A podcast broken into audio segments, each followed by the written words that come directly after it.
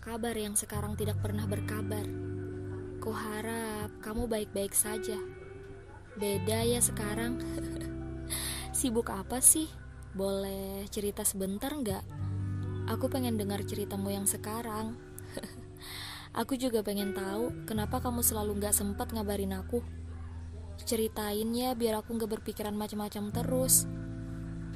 Aku ngerti kok kalau kamu beneran sibuk, tapi apa iya kamu gak punya waktu buat ngabarin aku? Kenapa sih? Apakah sudah ada... Ah, ya sudahlah. Mungkin cuma pikiranku saja yang terlalu jauh ke sana.